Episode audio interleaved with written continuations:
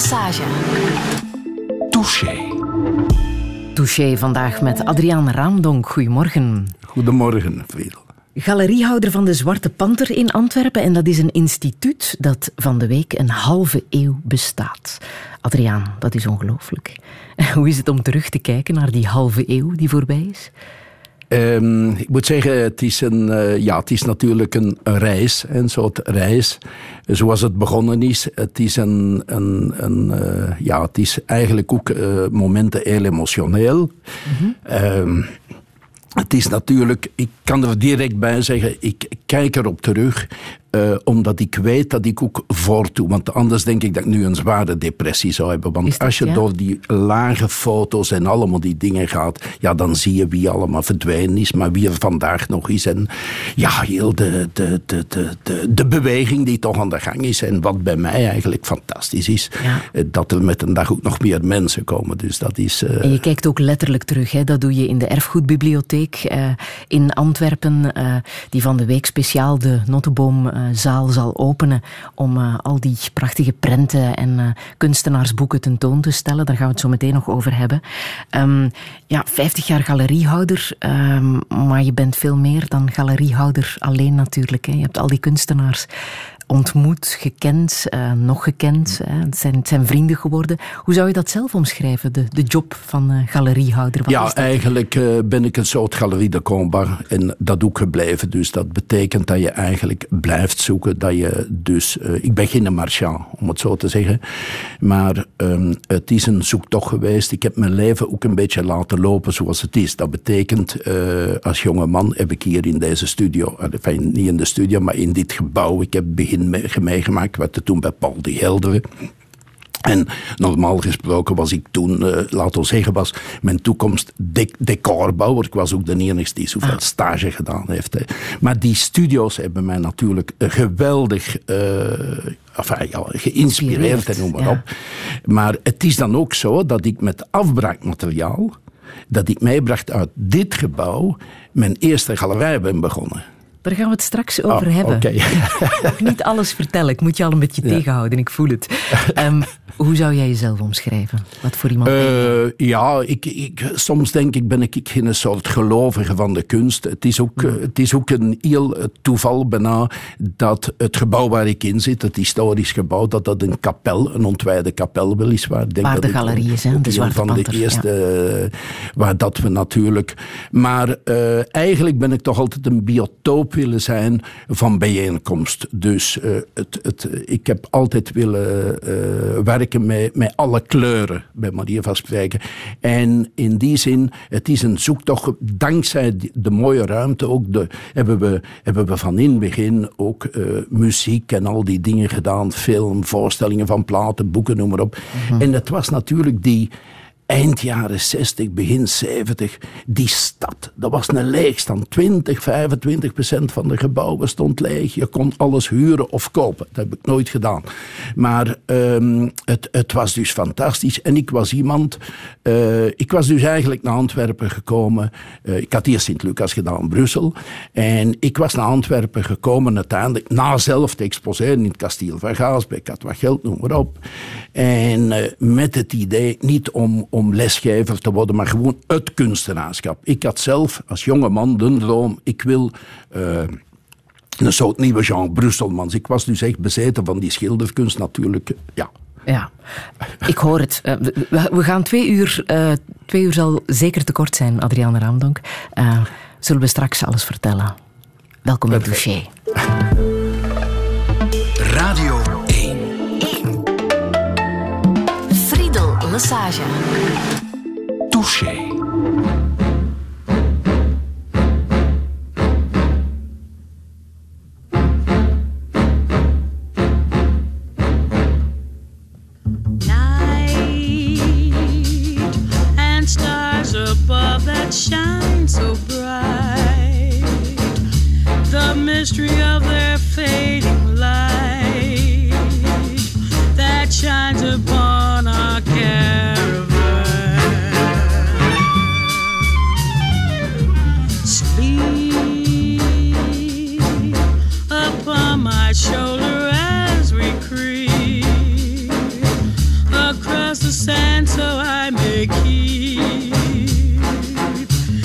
best memory of our cat.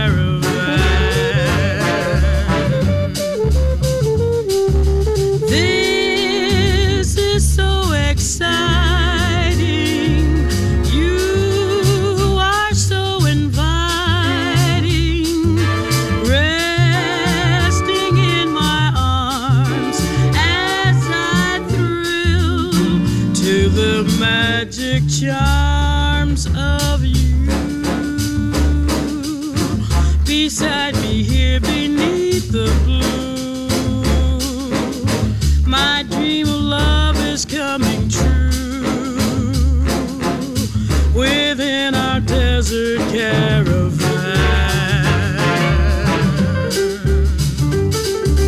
Night, night, night, night, and stars above that shine so bright. The mystery of their fading light that shines upon our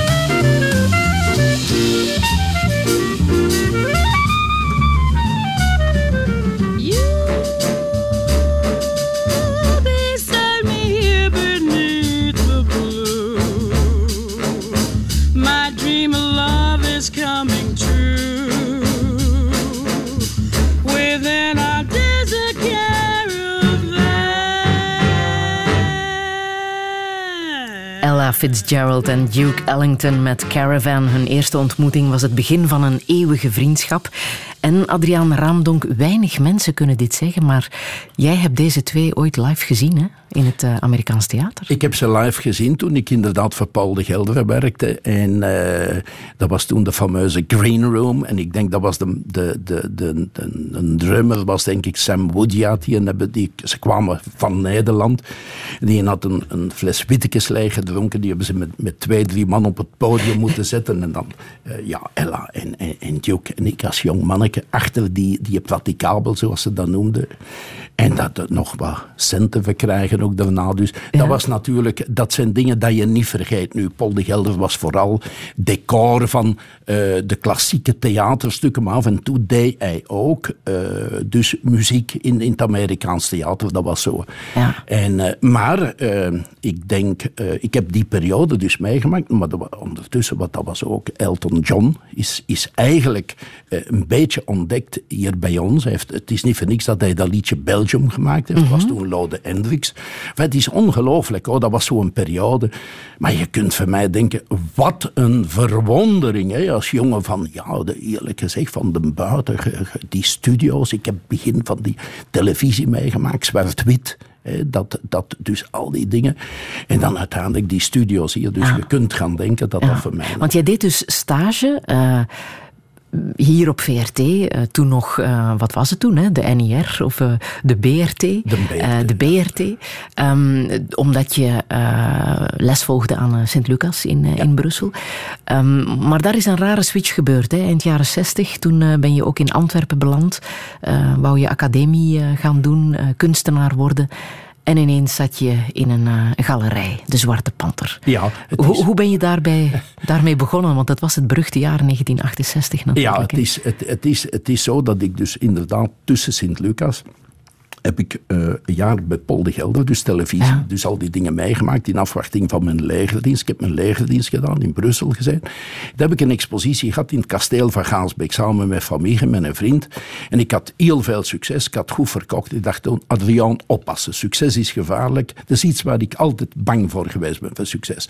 En ehm, dan, ik had goed verkocht. En dan ben ik met dat geld dus naar Antwerpen gekomen. Ik zeg tegen Paul, ja maar Paul, maar de- de- de- eh, dat is niet de bedoeling. Alleen ja, ik wist ook niet wat er zou gebeuren. Paul zegt, ja maar je weet nooit dat dat jouw toekomst. En dan ben ik inderdaad die galerie begonnen. En, eh, Uit dus wat voor noodzaak? Was daar vraag naar? ja, dat was een, dat was een noodzaak in die zin. eh, dat, dat was toen de fameuze White White Space Galerie, hè, internationaal gericht. Maar dat was niks voor jonge mensen. Dus mijn droom was... Ik zeg, jongen, wat komen we hier doen? Nu moet je natuurlijk Antwerpen in de jaren 60, eind jaren 60 zien. Alles gebeurde op 500 vierkante meter. Gaat de muze, gaat, gaat Ercola, gaat, gaat, gaat Zoef. Dus het was een bruisen, een bruisen van leven. Maar en heel veel buitenlanders en noem maar op. Dus en ik als jong manneke, op een gegeven moment, ja, een galerij. En dan, eh, ja, dus tegen de grote markt. Het begin van het kantje bijna, de achterkant. Kon ik me hier een keer, zo zag ik zo een gebouw staan. De Zwarte Panter, La Noire. Dus een, een oud bekend bordeel geweest. En dat was toen van de, de toenmalige Benelux-bank. En, en eh, een beetje verderop zaten al die ateliers. De, de, de Spanje Pansteeg, de bakkerij, waar dat Stef Steenhout, Fred Berrevoets en al die mensen. eh, de, de vader ook nu van die zanger Coolies, de Will Fischer, Cool, waar die, de Coolies, uh, allee, zo een van die nieuwe, eh, de Will Fischernaar. En allee, zo, dat was één bruisen van leven. En dan ben ik die galerie eh, begonnen zonder natuurlijk te weten wat is een galerie. En, en eh, dus gewoon dat inderdaad met dat afbraakmateriaal van televisie. Dan hebben wij eh, de vernissage, dat was Lily van Oost. En eh, ja, toen begon ik me een keer toch ook al te voelen, ja, maar, ja, maar een expositie alleen, kunstenaars verwachten iets en noem maar op. Dus, enfin, dus, dus dan heeft zich... Maar dat was toch het begin. En dat was een punt van bijeenkomst. Dus mensen kwamen allemaal bij elkaar. En van daaruit ja, ben ik... eh, ja, dus dus eh, dat heeft dan een jaar, een goed jaar geduurd.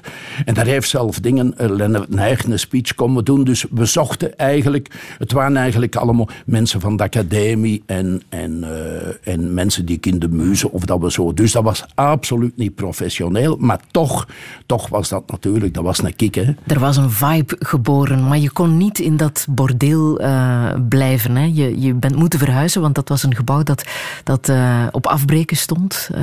Dat wilden ze afbreken. Ja, maar dus dat was ook geen probleem. verhuizen. Dat was op voorhand gezegd. Ja. Hoor. Dus er was gezegd, luister meneer, als je, dat, als je, dat, je kunt dat duren, geen probleem. Maar we geven u drie maanden om weg. Maar in die tijd was dat ook geen probleem, omdat er zoveel dingen te huur stonden. En voor mij was dat, ja, ik wist ook niet dat ik dat zou blijven natuurlijk. Want ik zeg nog, mijn ding was inderdaad televisie, decor en zelf het kunstenaarschap. Hè. Ja. Bedoel, ja. Dan ben je verhuisd van, uh, van het bordeel naar de kapel. Een symbolischer weg kan niet, denk ik, voor een kunstgalerij. Uh, waar je nog altijd zit, hè, in het midden van de Hoogstraat. Daar heb je toch ook een beetje de, ja, de sfeer van de stad mee bepaald, denk ik. Hè? Ja, ik denk dat wij in, uh, inderdaad in die eind jaren 60, mag je niet vergeten, dat uh, die, er was natuurlijk ook die geweldige afbraakwoede. Hè? En ik heb toen ook ondervonden, ja, maar gebouwen waar geen mensen wonen of bezig zijn of zo, ja, die, die, die gaan kapot, die gaan. En uh, wij zijn eigenlijk een beetje het voorbeeld geweest, denk ik, om te zeggen, ja, om terug die heropleving. Mag niet vergeten, was natuurlijk Axel Vervoort, maar dat was ook vooral onze vriend Wannes van de Velde, die een op een gegeven moment, ja, tegen die fameuze afbraakwoede, nu, dat was ook de periode, ik moet ook eerlijk zeggen, uh, de periode dat heel veel mensen van de stad naar de buiten gingen wonen. Nu, ik was een jongen van de buiten, die stad. Godzijdank. Dat was veel interessanter. Dat was een bruis. Allee, dat, dat, ja, dat was gewoon... Nu, ik, ik kan er u bij zeggen, Fredel, dat ik het eerste jaar elke dag op en af ging. Hè. Dat was s morgens om zeven uur weg en s'avonds om zeven uur thuis komen. Hè. Dus met de, eerst naar Brussel en dan ding. Je mag niet vergeten, mijn ouders, joh, kenden die mensen van kunst? Jawel, dat Van Gogh zijn oor had afgesneden. En dat je gedoemd werd om een armoezaaier te worden. Dus dat was absoluut uh, een, een, een ding. Het is pas vanaf het tweede jaar... Eh, nou ja, dat, toen dacht ik, jongen, ik mis in die stad van alles. Hè? Want eigenlijk overdag heb je, laten we zeggen, het academisch gedeelte. Maar s'avonds is natuurlijk het leven. Hè? En dat is natuurlijk een hele mooie stap geweest in mijn leven. Dat ik, dat ik toch op kot ben gekomen. En eh, ja, dat was onder vier merkte. Wat uh, heel belangrijk is geweest voor de geschiedenis van de Zwarte Panter, en dat zie je ook in de Erfgoedbibliotheek, is uh, de zeefdruk uh, die je hebt gemaakt, hè, samen met kunstenaars. Je hebt een eigen zeefdrukatelier ook gecreëerd. Hè. Wij, ja, ja, we hebben eigenlijk twee ateliers. Dat betekent, we zijn, we zijn uit die academie gekomen, want we waren al in de oude panter met lito's en al die dingen. dat was ook die periode een beetje het sociale denken. Hè grafiek was ook toegankelijk. Was te koop, allee, bedoel, was toegankelijk voor het publiek. Het was natuurlijk een, het is een eeuwenoude traditie. Oké, okay, zeefdruk is natuurlijk veel jonger. Maar eh, door, door uh, die contacten in de academie en zo, uh, Herbert Binnenweg die gaf toen al les. En dan zijn we daarna dus in 1970 heb ik een, een uh, gekocht. En dat, dat, dat allee, hebben we het appartement van, van de Verg Vignaar overgenomen, recht over ons. En daar zijn we dus die Eds-atelier en dan later een, een zeefdrukinstallatie. Dus Roger van Dalen, Roger van Akkelijn. Dus, en dan hebben we zo heel, heel het idee eerst de vrije, vrije ateliers. Maar dat heeft natuurlijk niet lang geduurd. Want ze kwamen dat wel drukken en ze lieten hun rotzooi achter. Maar fijn, dat was het begin ook van de experimenten. En uh, omdat ik ook een galerie wou, uh, dan een biotoop waar dingen gebeurden, snapte? Voor mij, uh, ik had al ondervonden door het feit dat ik bij Pol werk, dacht ik, joh, mijn kost verdienen is niet moeilijk, dat is gewoon werken. En, en, maar hoe kan ik mijn kost verdienen? En... Uh, een, een, toevoeging, een toegevoegde waarde hebben dat toch. En daar had ik zoiets van, ja, er gebeuren dingen. Want in een atelier, als je in een atelier bent, daar moeten de zaken gebeuren. Er zijn plotsen genoeg waar je plezier en ruzie kunt maken. Maar in ateliers moeten dingen gebeuren. Dat is zoals bij kunstenaars, als je bij een kunstenaar op bezoek in het atelier gaat, dan zit je in, in de in, in, in, ja, daar zit je werkelijk in, in het ding. En dan, eigenlijk wordt er niet over geld of over al die dingen. Dat, dan gaat het, dat zijn ongelooflijke mooie momenten natuurlijk. Mm. Ik kan geloven dat er in de Zwarte Panter heel veel plezier is gemaakt. Maar is er ook veel ruzie gemaakt? Heel veel ruzie. Is het, ja, ja. het zijn natuurlijk allemaal emotionele mensen, hè, kunstenaars. Het, het, is natuurlijk heel emotioneel. Maar het is ook zo dat, dat, uh, dat je mag niet vergeten dat een kunstenaarsloopbaan ontzettend moeilijk is. Hè, voor verschillende Mm.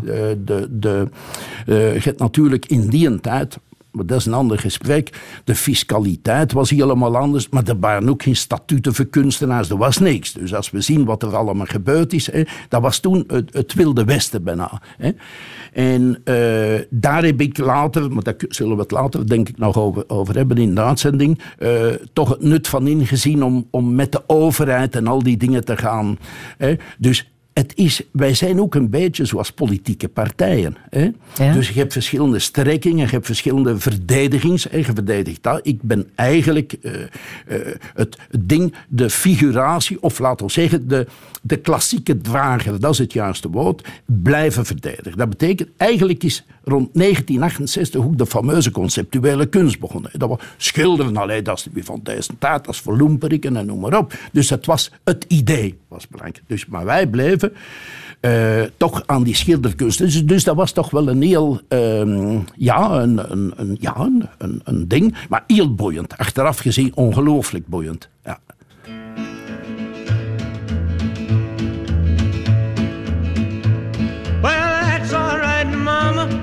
That's all right for you.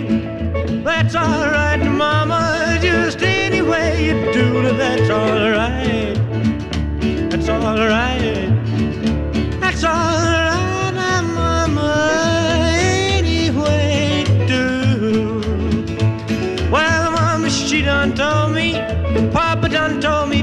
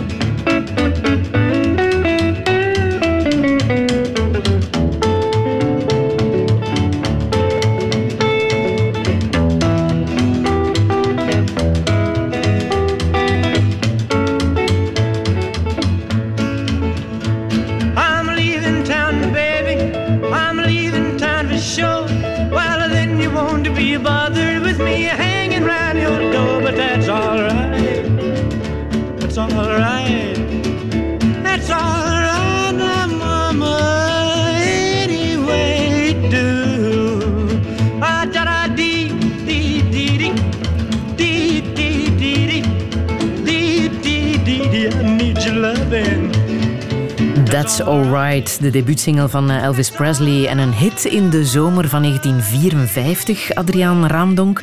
Dan was jij eh, nog geen tien jaar, denk ik, hè? Eh, Ja. Toen dit nummer een hit was. Ja, maar ik moet eerlijk zeggen, ik ben natuurlijk in een dorpje in Pijpingen, Pajottenland geboren.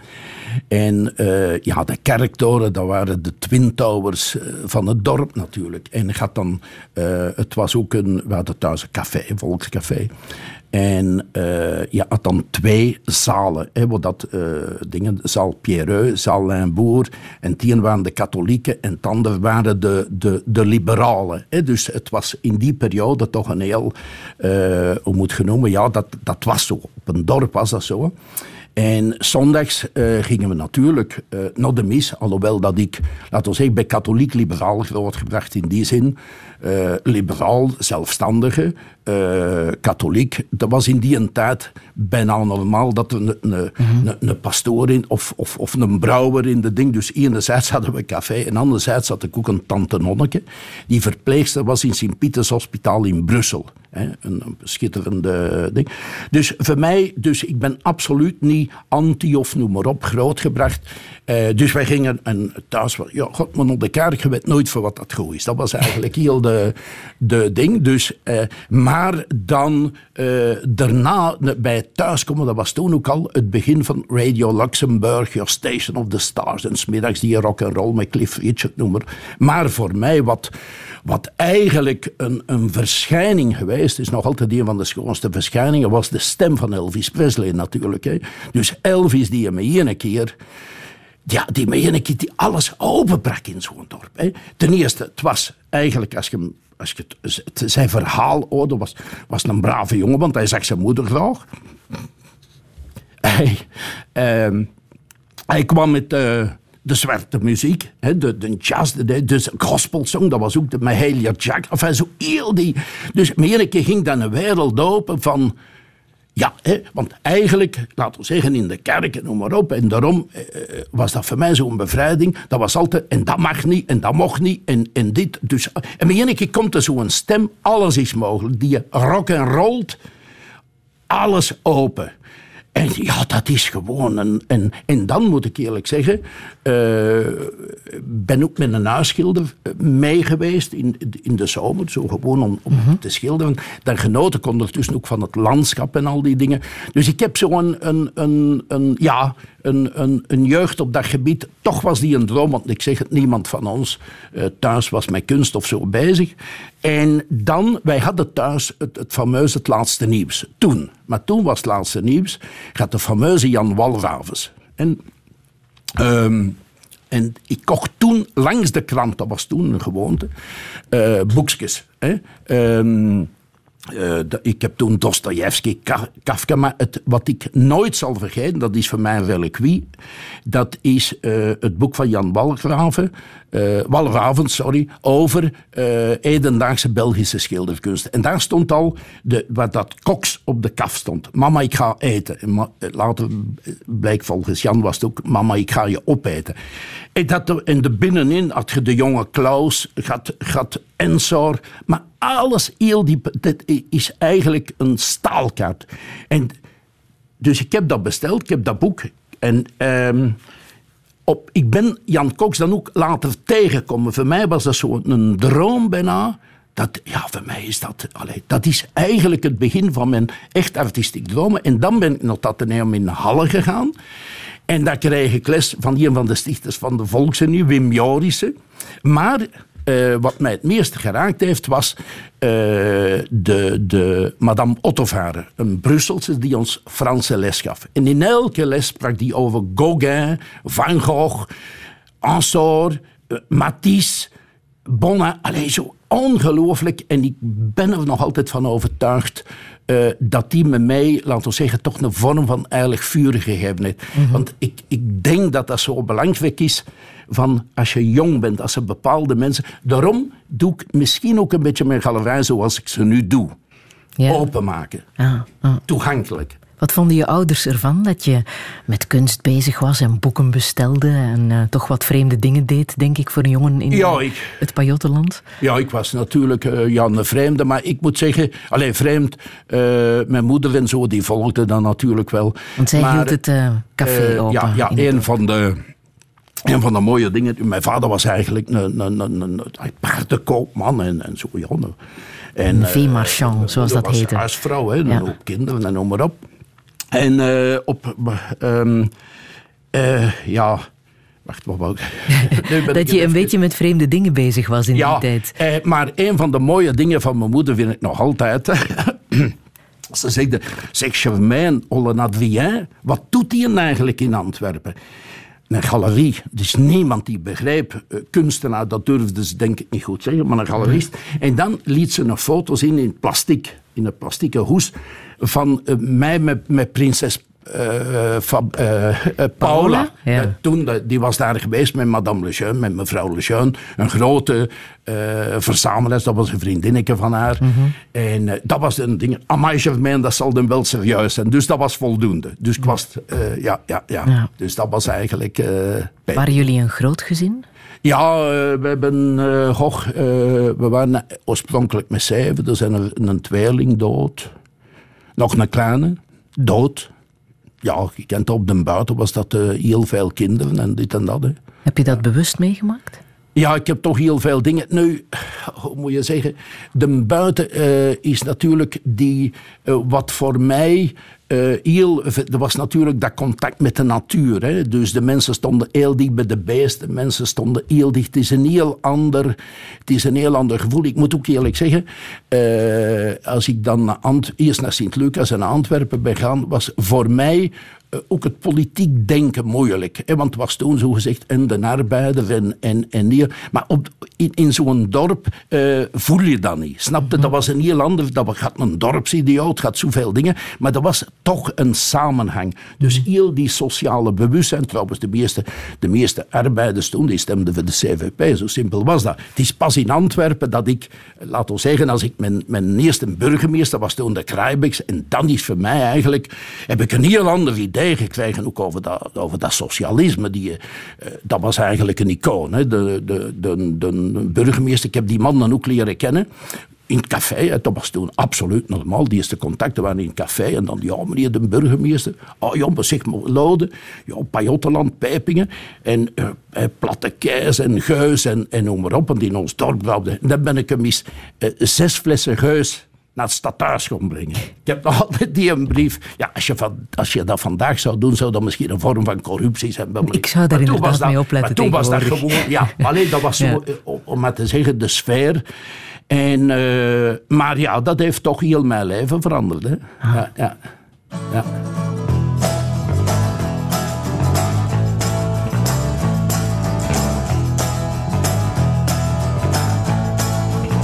Just the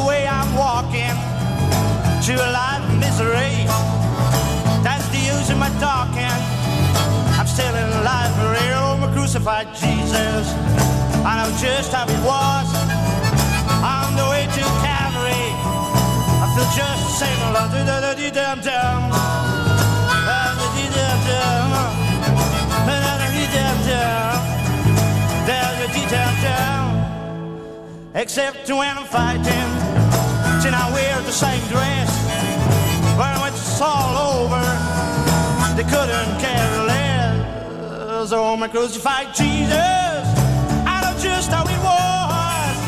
On the way to Calvary, I feel just the same. Da da dee dum dum. Da da dee dum dum. Da da dee dum dum. Da da dee dum dum. I could see them riding in their Cadillac cars, not even jalopy for their poor men. Oh, my crucified Jesus, I know just how it was on the way to Calvary. I feel just the same love, da dee dum dum, da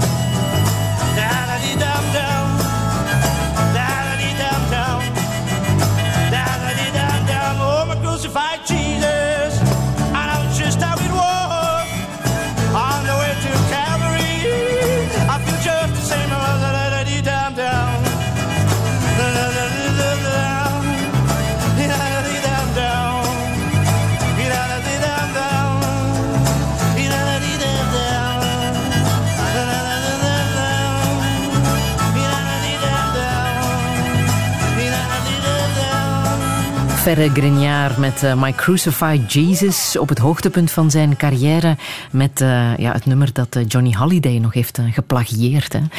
En Ferre Grignard is ook een schilderende muzikant geweest of een muzicerende schilder.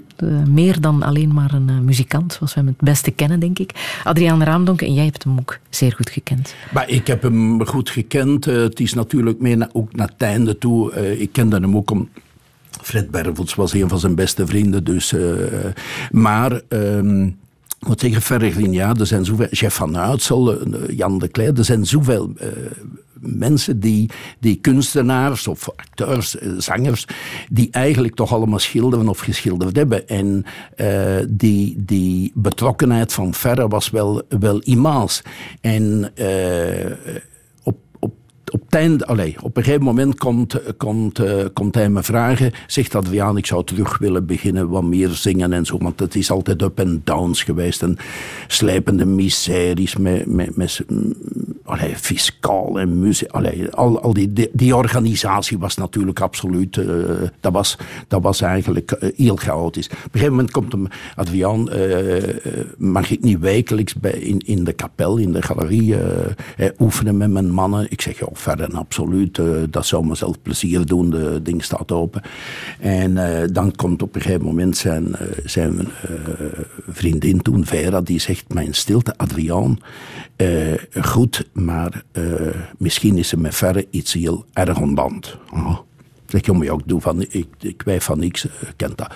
En uh, inderdaad, er was op een gegeven moment iets erg aan de hand. En dan um, is het zo dat hij, eh, we hem gestimuleerd. Ik ging dan met een Bervels naartoe, uh, naar de uh, Verre. Nee, ik had dus met OCMW, ik had heel goede contacten met, uh, met OCMW, toenmalige commissie. En die hebben hem een appartementje gegeven waar hij kon, kon verblijven. En dus hij had het dan goed. En dus ik ging hem met een Bervels bezoeken, dat was ook heel geestig, bij een fles whisky, dat we ter plekke leeg dronken. en die en dat achterlieten. En uh, dat was soms ook... Alleen het hospitaal was iets anders. Maar... Uh, ja, dus, dus en uh, dan begon hij te schilderen. Zeggen, jongen, verre, we kunnen een expositie maken. En, uh, allee, en hij heeft daar, Fred heeft hem dan ook begeleid op bedoelde dingen. En we hebben dat geweldig gestimuleerd. Zeg, verre, we maken een tentoonstelling. Ja, maar en, uh, je moet uw patiënt pakken. En ik zeg verder, dat komt allemaal in orde.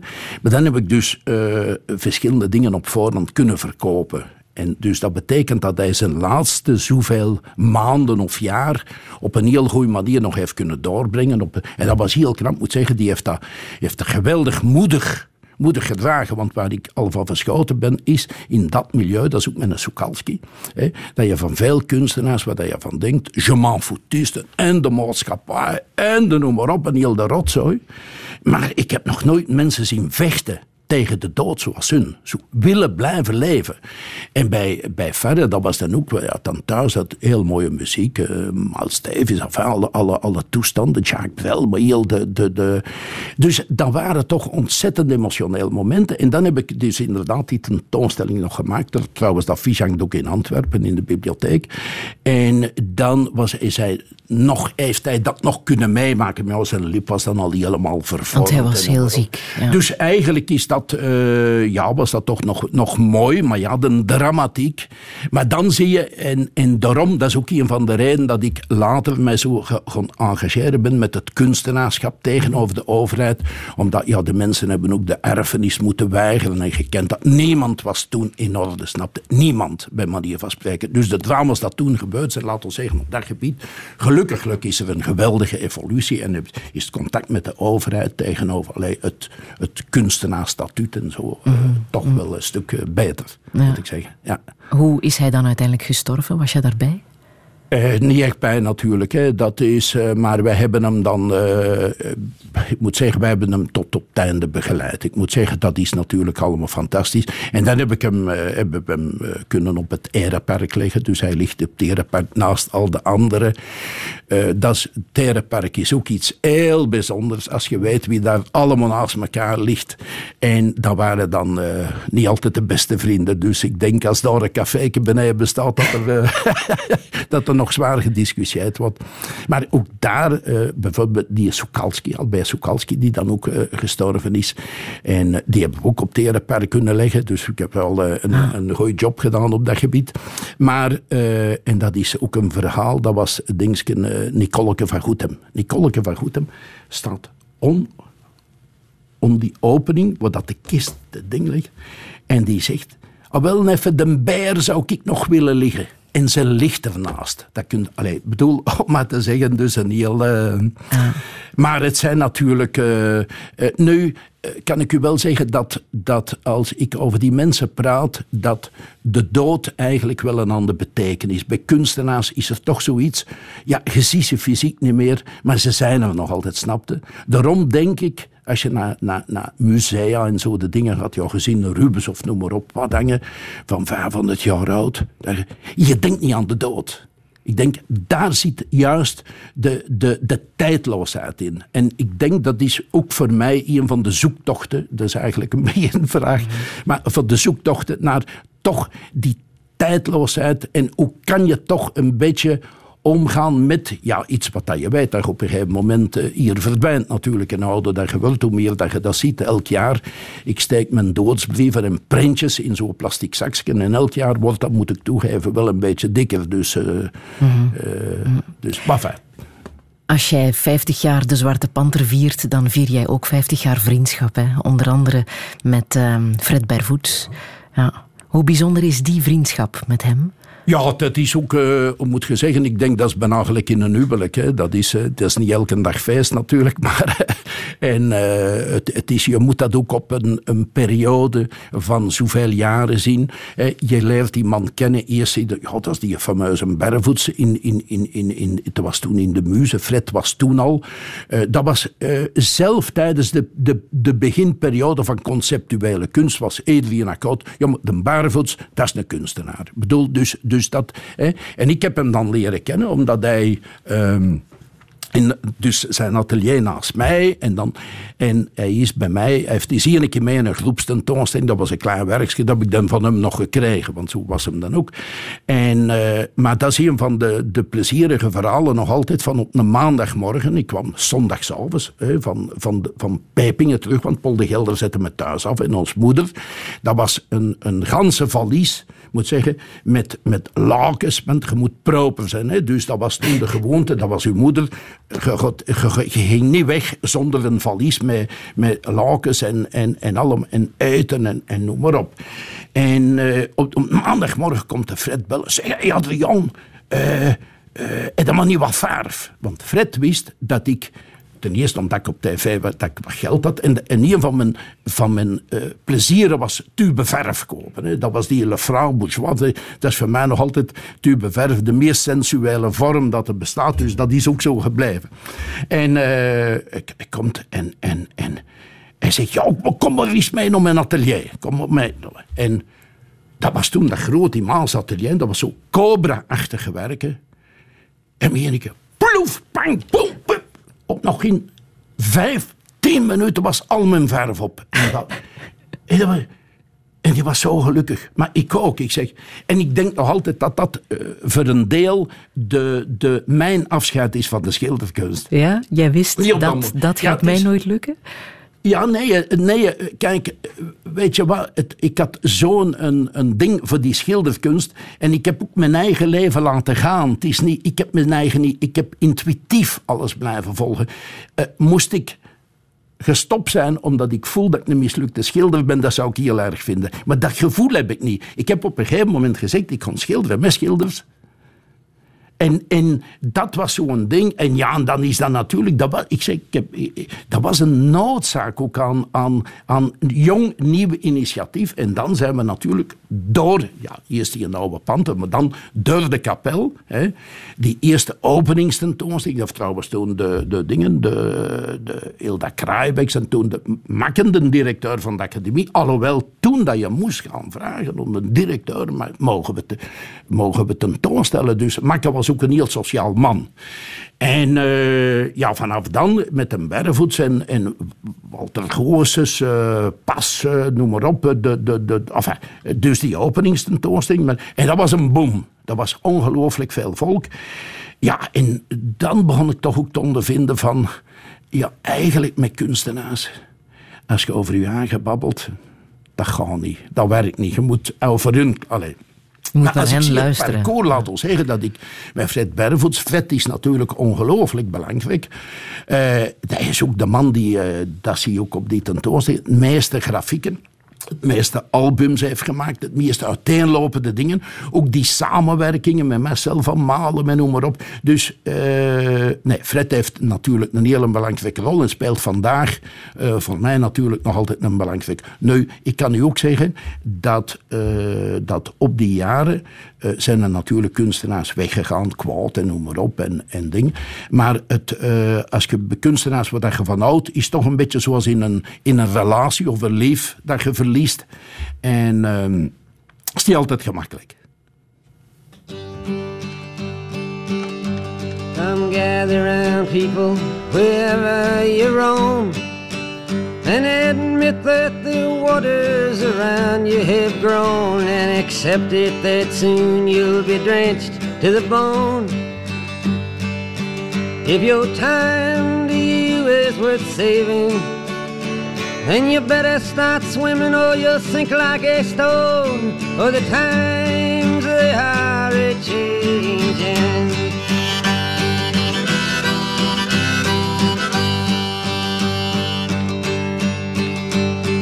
Writers and critics who prophesize with your pen. And keep your eyes wide, the chance won't come again. And don't speak too soon, for the wheel's still in spin. And there's no telling who that it's naming. Was the loser now will be later to win. For the times they are a changing.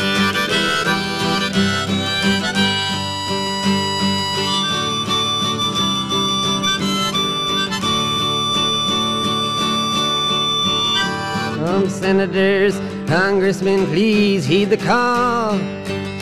Don't stand in the doorway, don't block up the hall. For he that gets hurt will be he who has stalled.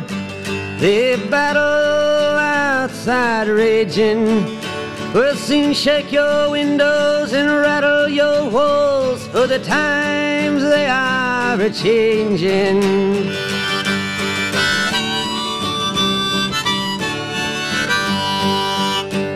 Uh, mothers and fathers throughout the land. And don't criticize what you can't understand. Your sons and your daughters are beyond your command. Your old road is rapidly aging. Please get out of the new one if you can't lend your hand. For the times they are a changing.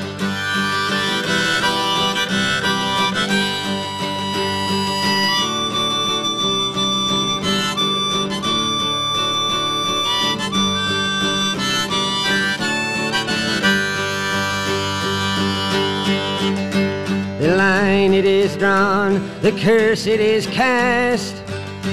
The slow one now will later be fast, as the present now will later be past.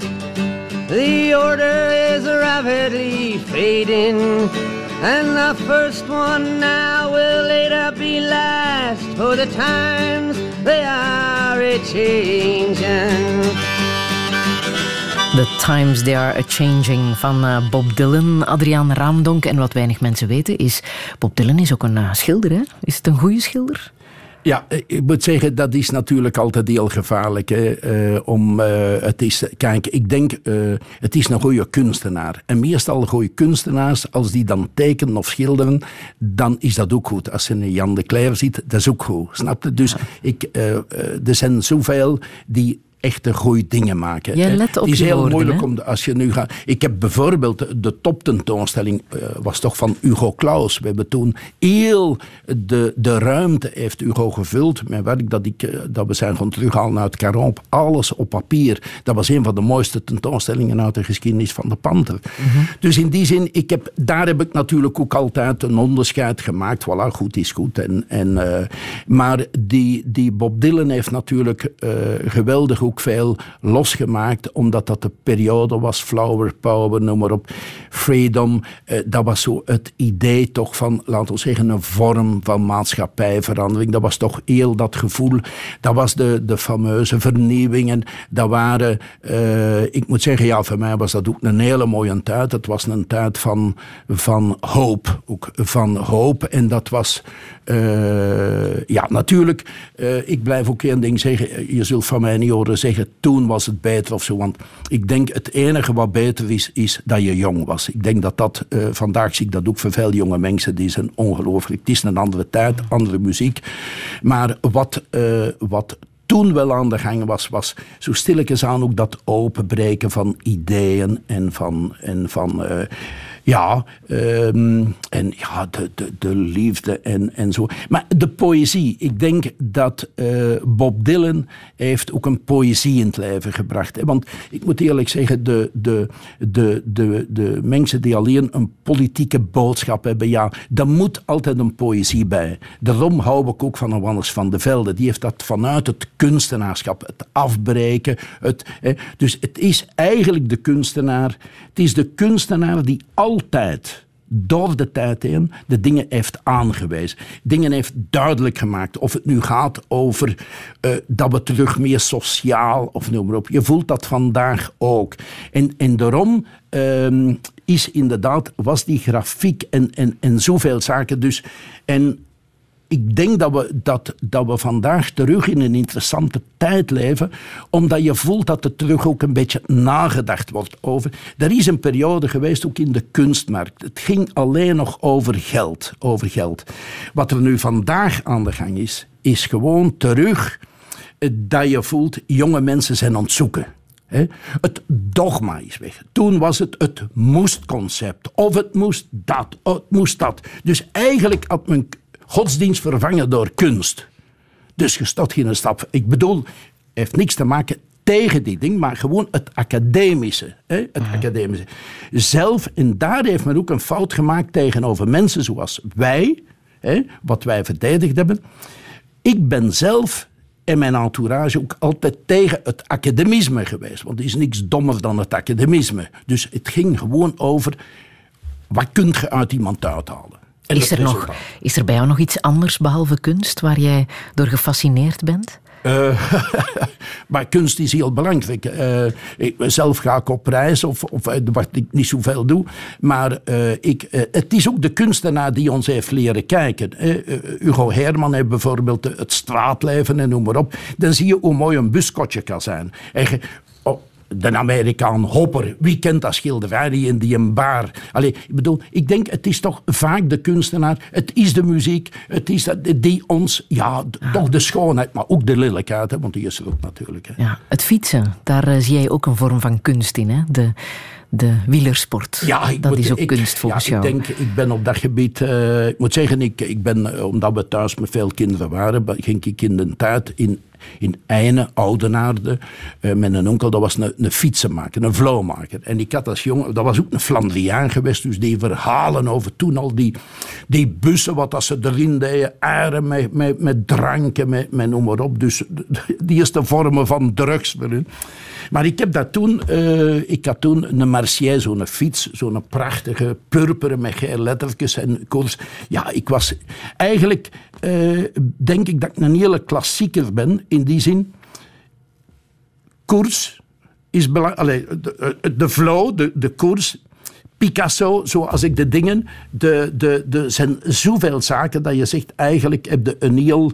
Ja, maar de schoonheid van het fietsen. De schoonheid van, door dat landschap. Door de, zelf. Maar waar ik ook van hou, is zo die, die, die, eh, en Johan Museeuw was voor mij zo een van die voorbeelden. Als die, die kon ook zo dramatisch, gelijk een kunstenaar die, die, die ja, het heel moeilijk heeft en zo. Dus vaak is dat ook fantastisch. Nee, ik hou geweldig, maar ik hou van, ik denk, het, ook daar heb je terug sport en zo. Het is ballet.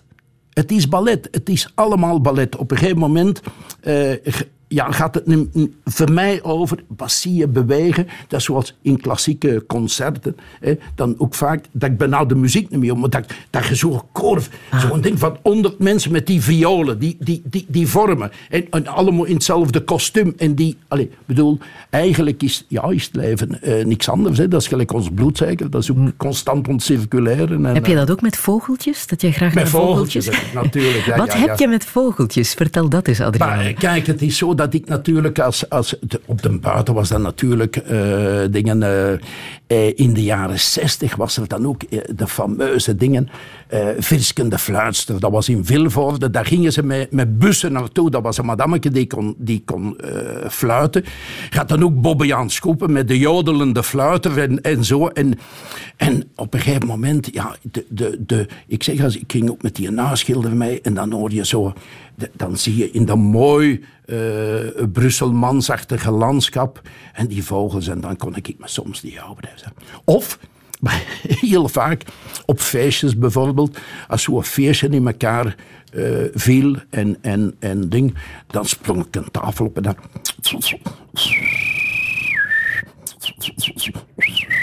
Ik kon dat toen natuurlijk duizend keren beter dan nu.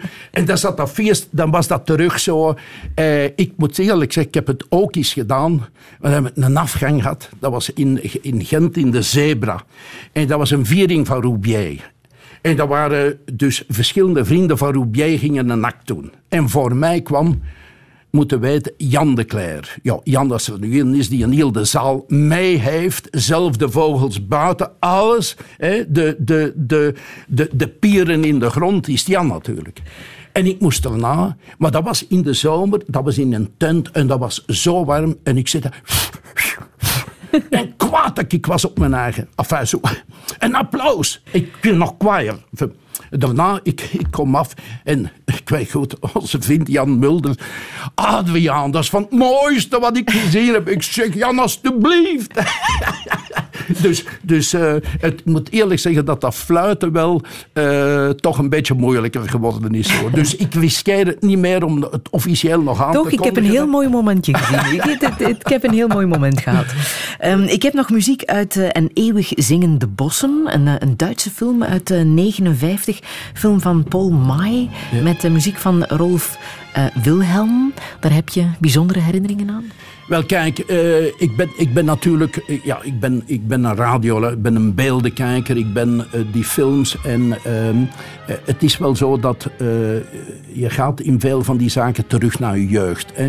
En de, de beelden die mij toen geraakt hebben, was eh, ont eeuwig zingen die bossen. Ehm, en dat was dat fragment dat de nouwen doodging. Die nouwen, die gaat dood en dan wordt de kinneke geboren. Ja, dat is de les van op de buiten, hè? dat is het leven. Hè?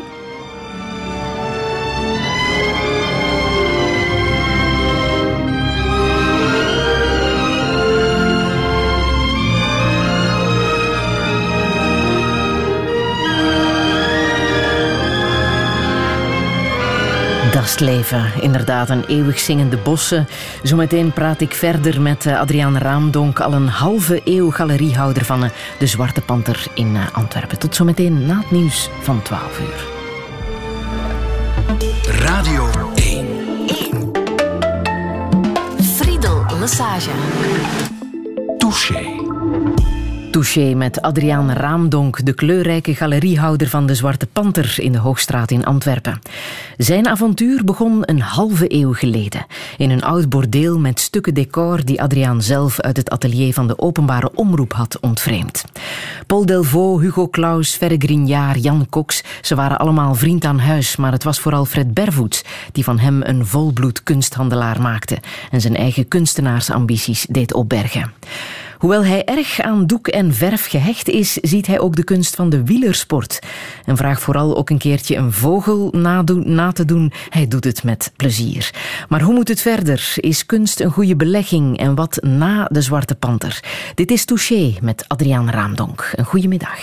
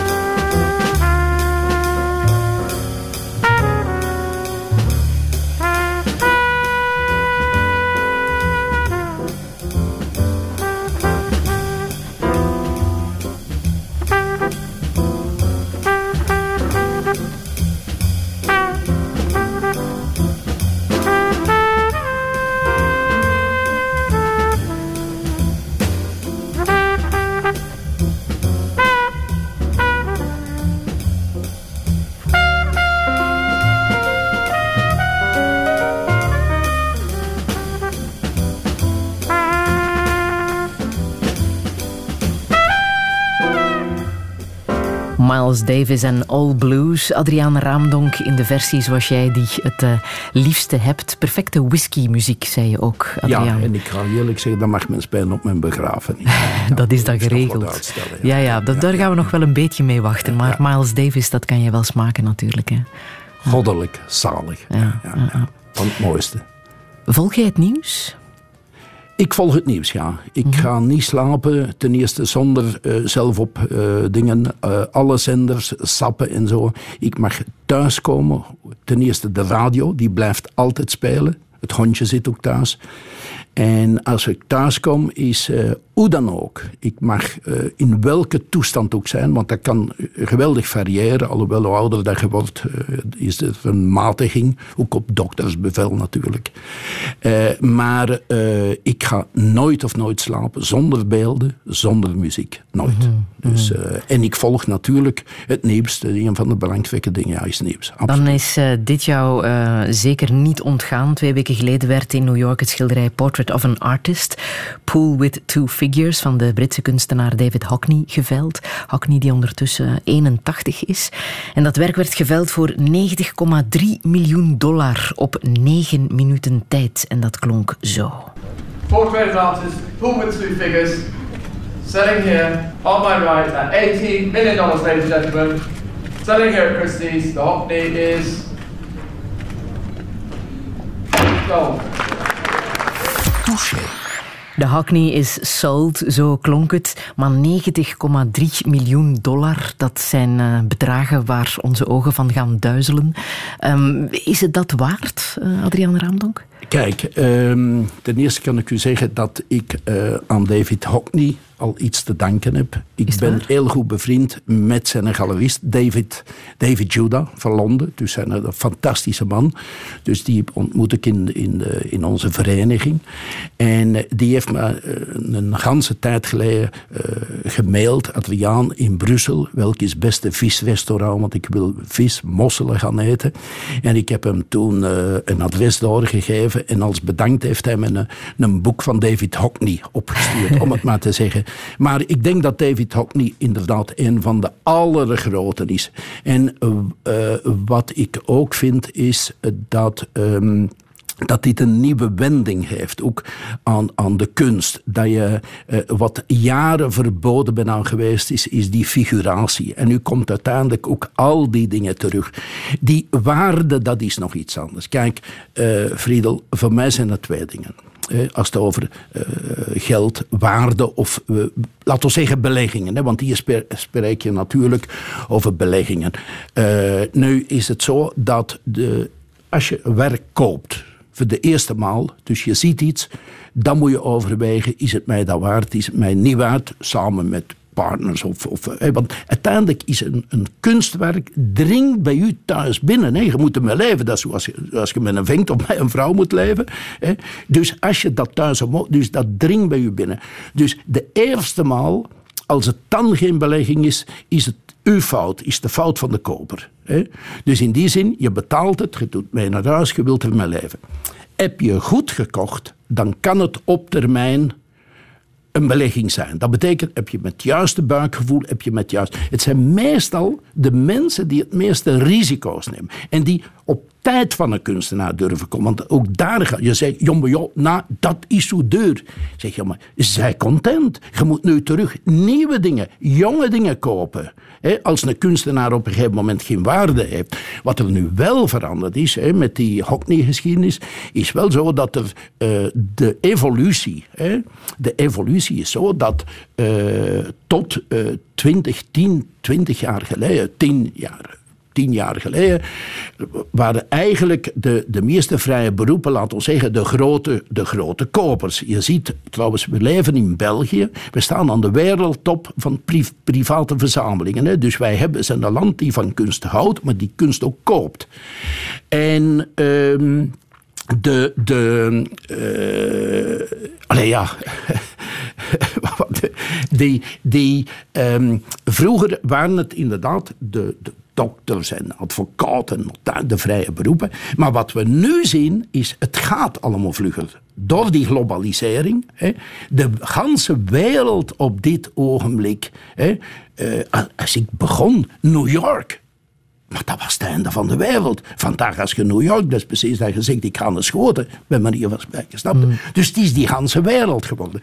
En wat je nu hebt, is dat er natuurlijk meer uh, naar nu die, die trusts en die stichtingen en die sheiks en die noem maar op. Dus we hebben een heel ander wereldbeeld. Mm. Dus we gaan daar. Maar anderzijds zijn die dure dingen een voorbeeld om terug dat mensen van jonge kunstenaars kopen eventueel met het idee. Want uiteindelijk is kunst kopen eh, is traditie. Dat is een traditie, zoals in de tijd nog de misgaan. Of wij, wij, dat is een oude traditie, bij manier van spreken. Dus mensen hier houden van, van, die objecten, maar het, het, het economische is ook, heb je op termijn goed gekocht, dan heb je nog eens een satisfactie van, ik heb ook zus gekocht, want ik laat het na aan de kinderen. En een van de problemen is dan meestal, als de ouders iets kopen, de kinderen, wat heeft onze pa en ons ma nu gekocht? Alleen, en, maar, totdat er iets gebeurt met pa en ma, doen ze het niet meer weg. Dus snapte, het is, het is meer dan. Als we over geld praten, uh, is het kunst is meer dan geld. Het is een onderdeel, zoals ver, verf heb je nodig om een schilderij te maken. Nu, maar ik las dat David Hockney het uh, werk destijds heeft verkocht voor 20.000 uh, dollar. Nu verkocht voor 90 miljoen dollar. Is dat ook een frustratie dan voor de kunstenaars? Nee, hoe gaan ze daar doorgaans mee om? Ik denk dat David dat fantastisch gaat vinden. En je mag niet vergeten, nu met de, sinds 2008 bestaat er de fameuze resale right, dus het volgrecht. Ja. Dat betekent, als je kunstwerk uh, verkoopt, uh, tot 70 jaar na de dood van de kunstenaar, eh, krijgt de kunstenaar 4%. Alhoewel hier is het het hoogste som en dat gaat, denk ik, het maximum dat je kan krijgen is 20.000 euro. Dus daar krijgt hij toch nog iets extra bij. Dus, 4%, maar ik denk dat het vooral, wat vooral belangrijk is, is door het feit dat dit zoveel gegaan is dan nu al die prijzen van al die werken om. Dus dat is een beloning. Hè? Ja. Ja, ja. Wat betekent geld voor jou? Uh, ik heb het nooit als eerste mm, als uh, belangrijkste, maar ik heb het wel. Uh, ik heb wel altijd ingezien dat je geld nodig hebt. Het ergste uh, dat is natuurlijk een beetje als je op de buiten zich voortgebracht. Hè. Dat, is, dat is gelijk gewoon viersten en noem maar op. Eh, je mag viersten, maar je moet kunnen opstaan. Als je het koopt, moet het kunnen betalen. Noem. Dat heb ik vlug doorgedacht. Ook in de stad, ik zag te veel rondom mij. Oh, de ene is een elektriek afgesloten, de andere zijn water en allemaal van die dingen. Dus ik ben nooit een amateur geweest. Ik ben nooit een aanbieder geweest van miserie. Van zogezegd zonder geld zitten en al die dingen. Ik, ik, ik ben, allee, oké. Maar Um, ik heb geld altijd bekeken als een middel. Hè. Had ik natuurlijk echt alleen, dan had ik ook gebouwen gekocht of noem maar op. Maar een keer zit ik op een leeftijd dat ik zeg, ja, nou is natuurlijk werkelijk laat om, om, om... Maar eh, geld is belangrijk. En als ik één ding tegen jonge mensen een raad geef, is mensen alsjeblieft, daar is een realiteit. Daar is niks aan te doen. Als je morgen dat en dat niet kunt betalen, is het verhaal gedaan. En kunst laat u niks wijsmaken. Voor kunst heb je geld nodig. Hè? Mm. Dus kunst is, ja. heb jij zelf veel kunst gekocht? Maar luister, bij, mij is het natuurlijk zo dat je, uh, daar kan je niet kunst kopen in die zin. Uh, ik heb natuurlijk veel souvenirs of dingen dat je van kunstenaars, uh, als je die begeleidingen doet, als je, het is ook vaak zo dat kunstenaars, kunstenaars kunnen dat geld gebruiken, hebben, een, hebben, hebben natuurlijk een gezin, moeten veel dingen, of, of een ex-vrouw en allemaal van die toestanden die, die natuurlijk, nu, ik heb ook het geluk dat ik uh, eigenlijk de laatste zoveel jaren, vroeger was ik met Linda, uh, de periode van de bank. En de laatste zoveel jaren met, uh, met Frida, mijn partner nu. En die gaf ook altijd les. Dus dat betekent, dat is natuurlijk... Uh. Dus ik heb eigenlijk... Ik zal zeggen, ik ben nu 73. Ik heb, ik heb toch tot mijn 55 altijd wel ja, over angsten gehad over geld. God dat wel gaan en noem maar op. Omdat je... Ja, maar Anderzijds denk ik soms ook uh, dat ik dat nodig heb. Die adrenaline van, van die spanning. Van, uh, dus ik heb ook nooit zo dat. Ja, maar ik bedoel, op een gegeven moment doe ik de dingen. En dan liet natuurlijk wel wakker. Maar ik kon vind dat dat niet overgaat en dat dat vandaag nog zo is. Maar laten we zeggen, als je zou zeggen, is dat de hoogste betrachting geweest? Nee. Moest u me vandaag vragen. Nu stel ik bijna dezelfde vraag. Hè. Uh, uh, zijn de content met die 50 jaar al? Ik ben natuurlijk tevreden in die zin dat ik dat heb kunnen halen, praktisch. Maar de vraag is ook, heb ik iets kunnen toevoegen? En ik denk, moest ik daar een compleet negatief antwoord op hebben, dat ik mij ongelooflijk uh, ongelukkig zou voelen, snapte?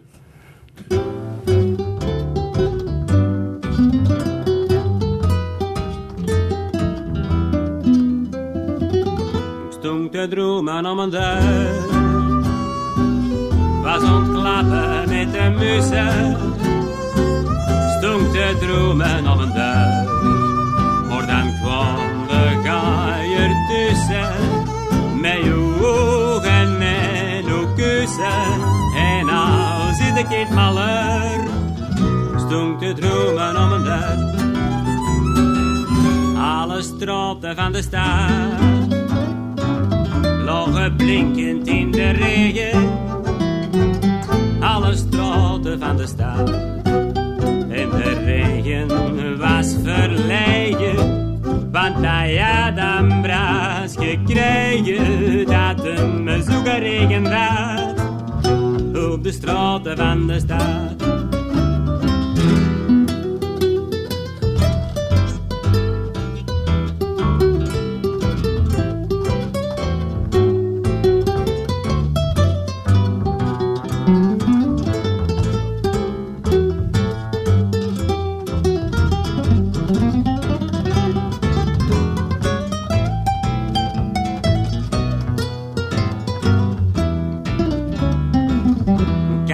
Vetplantjes van je heeft. Met geduld en concentratie. Had me vetplantjes van je heeft. Maar dan vele minder grassen. Van een masker aan de stassen. Met een plantjes gekregen. Ik had me vetplantjes van je Oude billen, hij was stil trots zo fel niet met je ogen. Oude billen naar was stil. Laat de zuchten naar maar zwaaien. Want je kind met toch niet kraaien. Het is een ander die ik wil. Oude billen naar stil. Van de allerbeste wijn. Zou ik keren willen drinken van de allerbeste wijn. Maar ik zou er niks aan vinden. Op mijn nientje vrienden. Het zouden ze een zijn. Van de allerbeste wijn.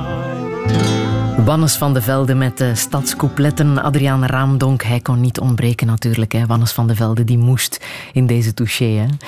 Hoe goed heb je hem gekend? Maar toch vrij goed in die zin. Uh, kijk, uh, veel van die dingen zijn natuurlijk begonnen als bewondering. Als jong manneke, als kind begin in de muze en in de stad, was dat voor mij toch een bewondering. Ik kende die mensen. En dan heeft Wannes eigenlijk in 1968 heeft hij de opening gedaan van de muziek. Uh, samen heeft hij dat, dus de opening van de eerste tentoonstelling.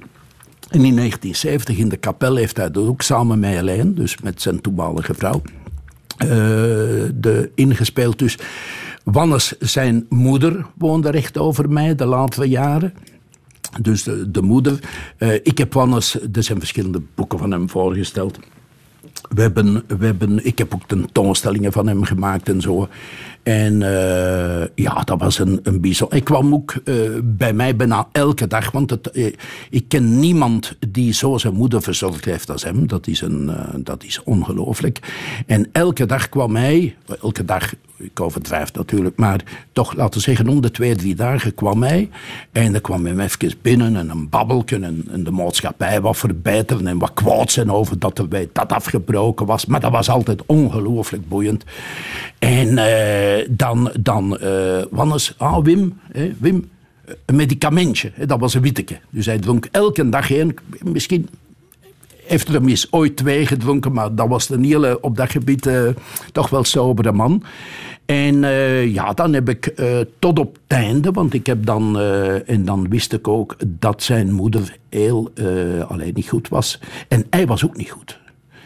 En ehm, dus zijn moeder heeft dat nooit geweten. Hij heeft dat helemaal kunnen verstoppen, want hij was er slecht aan toe. Dus voor hem was het was dus, uh, ja, was dus belangrijk eigenlijk dat zijn moeder ging voor hem. Wij zijn, denk ik, mm Frida is ook de eerste geweest die het geweten heeft. En dat was een heel... En wij hebben dan, uh, ik moet zeggen, daar uh, hebben wij een... Hij heeft, dat is zo'n soort, hoe moet je noemen, plechtigheid geweest als afscheid. Als afscheid. En dat was met mijn paar met, met gebeuren madame, de Wannes, met, met, met, met Christa. Met, en dan, uh, ik heb zoiets nooit meegemaakt. Het is geen film of geen ding. Mm. Een klein, en dat was zo mooi. En toen vroeg de, de Wannes dat iedereen een verhaaltje zou doen over zijn moeder. Hoe dat je zijn moeder gekend hebt. Ik heb dat trouwens daarna op de, op de Roma. Um, en, maar dan liet hij op een gegeven moment een musette horen, want zijn moeder was een zangeres geweest. Dus als jong meisje moet hij gezongen hebben. En maar ene keer, ja, ik moet zeggen, dat is Stijn Streuvels, hoe moet genoemd, dat, is, dat, dat, dat, dat was daarvan een ding. Maar van een waardigheid, dat is ongelooflijk. Dus Wannes is voor mij zo'n heel, uh, ja, dit is toch een, een, een, een, een ja, ik, ik, ik, kan dat moeilijk, dat is poëzie op zichzelf. En uh, zijn betrokkenheid toch ook bij alles, bij die maatschappij, bij die... die, die ja, en bij de stad Antwerpen bij de stad natuurlijk, Antwerpen, want hij ademde Maar ook stad. zijn, zijn ja. ding, als je nu vandaag... Want kijk, uh, er zijn een paar namen genoemd, Vergrin, ja, noem maar op. Maar het zijn uiteindelijk pioniers. Want je mag niet vergeten, in de tijd van Wanners van de Welde had onze vriend Mark Halle, die voor wie haar geweld aandoet. Hè. Je mocht geen dialect of allemaal van die dingen. Dus, dus als je ziet vandaag ook die vrijheid, hebben die mensen toch een beetje mee losgemaakt. Hè. En dat is heel belangrijk. Ik wil nog even terug naar uh, dat beginjaar, hè, 1968, waarin de Zwarte Panter begon en waar Wannes dus de eerste was die ook speelde tijdens de eerste expo. In dat jaar is er nog iets heel erg belangrijks gebeurd. Uh, iets wat jouw liefde voor Antwerpen heeft vergroot. En dat was uh, de Sint-Pauluskerk, die is afgebrand. Hè. April 1968 was dat. Ik ben even in het archief gedoken en dit is wat ik daar heb teruggevonden. De Sint-Pauluskerk, de Antwerpen. Op dit ogenblik is het nablussen op enkele plaatsen nog aan de gang. Meneer Doks, is er iets verloren gegaan van die enorme hoeveelheid kunstschatten die in dit gebouw in de Sint-Pauluskerk zat opgestapeld? Dat is meegevallen, maar de paniek, de angst, de zelfopoffering, de zelfverloochening, de moed van al die ondermensen die daar zijn komen helpen om die, die schilderij naar beneden te halen. Om die tussen dat vallend puin en die, die, die, dat brandend houtskool dat door de stergaten naar beneden dwarrelde, om dat zo naar buiten te dragen, dat is een indruk die ik heel mijn leven lang in dankbare herinnering zal bijhouden. Touché.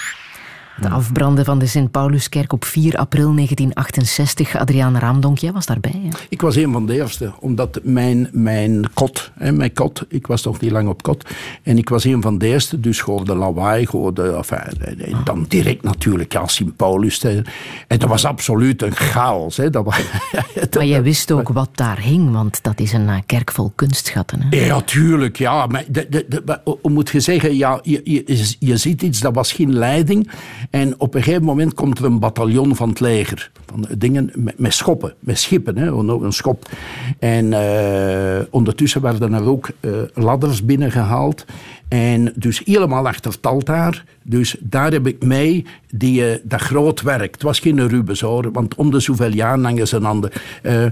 en dat mee, dus... Maar door het feit dat ik op televisie was ik ladders en zo gewoon. Dus ik had absoluut geen bank. Boef tot mij tot in de kruin. En dat is gewoon afgekapt met schip, mijn schip van het leger. Dus niet een mes, niet tjoek, tjoek, tjoek, tjoek, tjoek, al die dingen. Helemaal, ik moet eerlijk zeggen... Eh, achteraf hoor ik ook dat heel boel naar beneden gekomen is, plafond. Maar wat zo mooi was, dat die ganse bevolking, want dat was het kantje, hè, je niet vergeten. Chef de Mep, de tekstschrijver van de Ferren, al die mensen, dat, dat was, gaat het fameuze, gaat uh, die, die, die, de, de Dennisbar, gaat Spiegelpaleis, dat was, dus al die schoonmadammen die s'nachts een bord krijgen, zo een beetje, die, die begonnen. Maar die hebben allemaal mee stoelen en zo naar buiten gesleept. Dus dat was Fellini. Ook die, die, die reuk, hè, die, die, die uh, ding. Dus eigenlijk was dat een trip. Dat was, dat was, dat was een trip. En ja, ik weet ook, ik ben die nacht niet gaan slapen. Ik ben dag erna naar de academie. Ik was helemaal... Maar ik denk... En, maar eh, er is ook niet gestolen. Dat en ik denk nog altijd dat de liefde voor de stad daar ontstaan is. Ook omdat daar juist dat je dan voelt... Het erfgoed is in gevaar. Het erfgoed. Hè? Mm En dat staat boven alles. Hè? Het erfgoed, die kunstwerk. En dat pluimage, dat verschillende pluimage van, van mensen. En er is niet gestolen. Het is, het is eigenlijk, voor mij, ik denk dat dat een van de, van de zaken is die ja, mij, mij Antwerpen. Ik moet ook eerlijk zeggen, ik heb, uh, Antwerpen was voor mij zo eerst, ja, als Brabander, het is niet voor niks dat ze zeggen een Brabants trekpaard, we hebben een zacht karakter in Antwerpen. uh, was toch wel een beetje anders. Ondertussen heb ik er ook wel wat van geleerd natuurlijk. Maar uh, ja, ik ben dan toch direct, uh, voor mij is dat, en die liefde van de stad. Ik heb ook sindsdien gezegd, ik verlaat Antwerpen nooit langer dan een week. En dat is, dat, dat is ook echt zo. Nochtans, ja, je bent dus in elkaar geslagen, hè?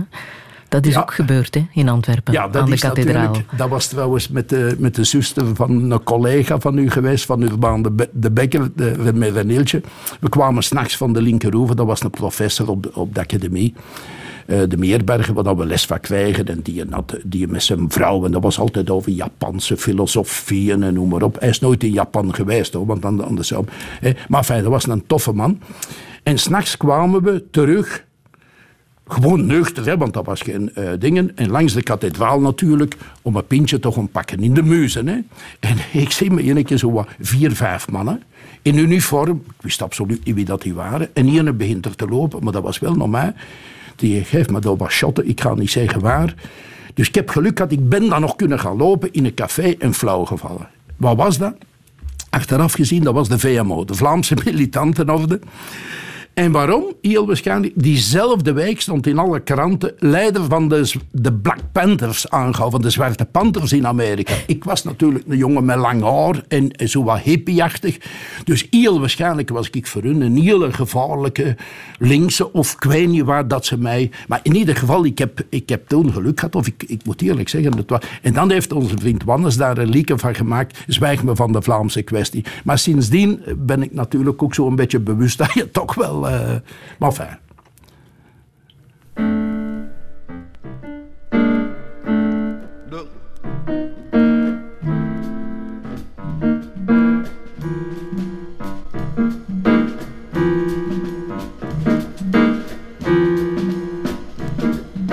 Nuclear war.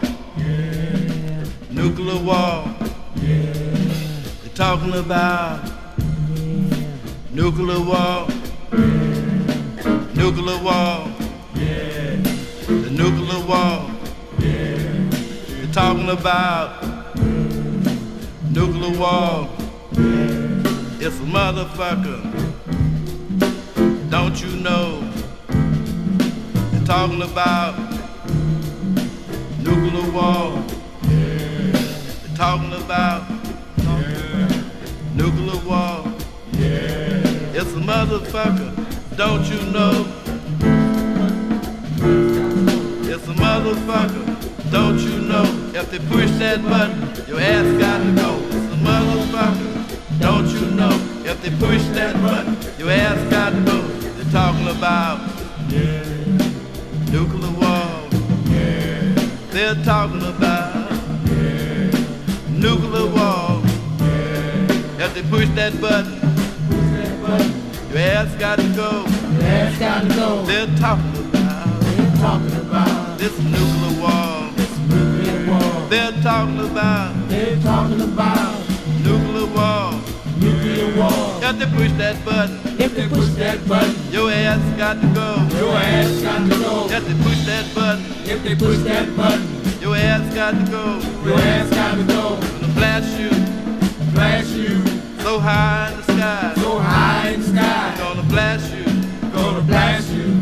So high in the sky. So high in the sky. You can kiss your ass goodbye. Kiss your ass You can kiss your ass goodbye. Kiss your ass You can kiss your ass goodbye. Kiss your ass You have to push that button. If they push that button. If they push that button. If they push that button. Gonna blast your ass. Gonna blast your ass. So high in the sky. So high in the sky. You can kiss your ass. Goodbye, goodbye. Goodbye, goodbye. Nuclear War, een nummer uit 1982 van uh, Sun Ra. Hij kan ook wel iets uh, experimenteler zijn dan, uh, dan dit. Een zeer bijzondere jazzmuzikant. Adriaan Raamdonk, jij hebt hem ooit live gezien. Er was een toeval. We hadden een expositie in Boston. in Boston met Jan Cox was head of department painting geweest in, in de, de School of the Museum of Fine Arts.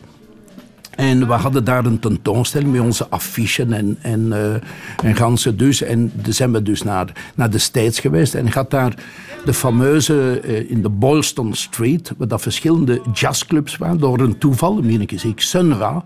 Dus ja, natuurlijk daar binnen. En ja, voor, mij was dat absoluut een... een uh, en met, die, met, met film en met zo'n ganse groep, dat was een heel... Ja, dat was voor mij. Dat is iets bijzonders geweest dat ik natuurlijk ook nooit, nooit of nooit ben vergeten. Hè. Ja. En, en, dat was 75, hè, 1975, ja. ja, ja. Jan Cox is gestorven in 1980, denk ik. Je hebt zijn laatste jaren ook meegemaakt, hè? Maar Jan heeft, we hebben in hetzelfde huis gewoond. Hè. Dat was uh, ja, toen, nog, toen nog met Linda, Linda Liket. Met een heel... Uh, ja, dat was eigenlijk een ongelooflijk verhaal, omdat Cox op een gegeven moment, ja, die komt van Amerika, blijkbaar was zijn huwelijk op de klippen gelopen.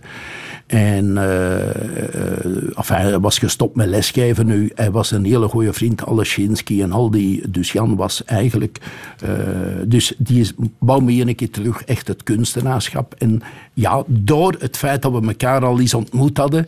En dat ik eens naar Boston ben. Enfin, naar Boston, want het verhaal over Jan Cox is natuurlijk vrij lang. In ieder geval, hij is gekomen. En voor mij en voor ons allemaal was het ook een verneming. Want enerzijds had je dus inderdaad dat Antwerps milieu. Amerika brengt, een Jan Cox, die brengt bij ons ja, heel het verhaal Amerika, wat toen heel belangrijk was. Jan zat toen in, in, in, New York bij de, bij de Valentin, dat was de, de, de top in de wereld. Maar gewoon die, die Amerikaanse verhalen en zijn schilderkunstige vrijheid. Dus we waren allemaal uh, uh, laten we zeggen, schildersgenoten. Hè. Jan is ook ooit nog bij James Ensor geweest. En Ensor, dus, heel, uh, dus, dus daar is van alles ontstaan. En wij hebben dan zoveel jaren de, de Ilias van Homerus. Hij heeft, want in die tijd was natuurlijk, hij heeft, heeft heel de, de, de, voor hem het afreageren op de oorlog, de gruwels en al die dingen. Maar Cox was een, was een bijzonder man. Dus dat heeft een, voor ons was dat een, een ja, hoe moet een vernieuwing. En wat voor iemand was hij? Hij was, uh, dat was een hele, ja, heel erudit, was een, was een, um, was een man met, depressies, dus ook, ook een ding. Uh, depressie had, natuurlijk, ja, zijn huwelijk dat op de klippen en, enfin, ja, en dan natuurlijk ouder worden en allemaal van die, die toestanden. En, maar... Um, ja, wij hebben, wij hebben hem zoveel dingen nog kunnen laten doen. Hè. Hij heeft, heeft uh, nog zoveel jaren, maar depressies. En aan het einde toe kwamen die depressies toch vaker bij elkaar. Nu, um, dat is natuurlijk... Uh, hoe moet je noemen? Cox is natuurlijk niet alleen depressie. Er zijn zoveel fantastische momenten, hoogtepunten geweest. En, uh, dat, maar ik moet zeggen, dat was voor mij natuurlijk heel... Uh, dat is nog altijd een van de pijnlijke zaken, laten we zeggen. De zelfdoding van Jan Cox, omdat dat op een gegeven moment, ja... Uh, om dat mee te maken, dat is toch wel echt een shock dat je natuurlijk niet kan verwerken, omdat je ook het niet, ja, we wisten wel dat er gevaren waren, maar op het moment dat het gebeurd is, was het juist uh, ja. niet. Maar dat betekent dat dat, uh, ja, Um, ja. Maar dan heb ik ook ondervonden, bij Jan Cox is ook een, een voorbeeld, wat dat je ziet, de, de kunstenaar sterft en dan het vervolg. Want het sprookje dat mensen, of dat men vertelt, een artiest gaat dood en de waarde gaat omhoog en maar op, vergeet het. De meeste artiesten dat doodgaan, zijn dood. En een artiest kan twee keer doodgaan. Fysiek en zijn werk. Dus, en dan moet je terug, het, het klinkt bijna oneerbiedig, maar eigenlijk moet je na de dood van een kunstenaar evenveel doen als tijdens het leven, omdat dat, uh, want het leven gaat voort. Nu, daarom heb ik ook altijd een, een theorie, gaat niet een theorie. Ik heb nooit in mijn galerie een overleden kunstenaar geëxposeerd, omdat ik vind, na de dood moet je maar sterk genoeg zijn om over te blijven, want anders moeten de jonge mensen een kans hebben. We moeten de nieuwe generaties. Ik vind dat een heel belangrijk. Dus in mijn kok zijn we natuurlijk nog altijd bezig. Er komt volgend jaar in de Muka ook een schenking dat ik gedaan heb en, en uh, zo van die dingen. Dus, uh, maar um, het is niet een evidentie, een kunstenaar sterft en, en automatisch krijgt hij zijn plaats. Dat mag je niet mm. denken. En het aantal zelfdodingen in de kunstwereld is ook veel te lang. Hè?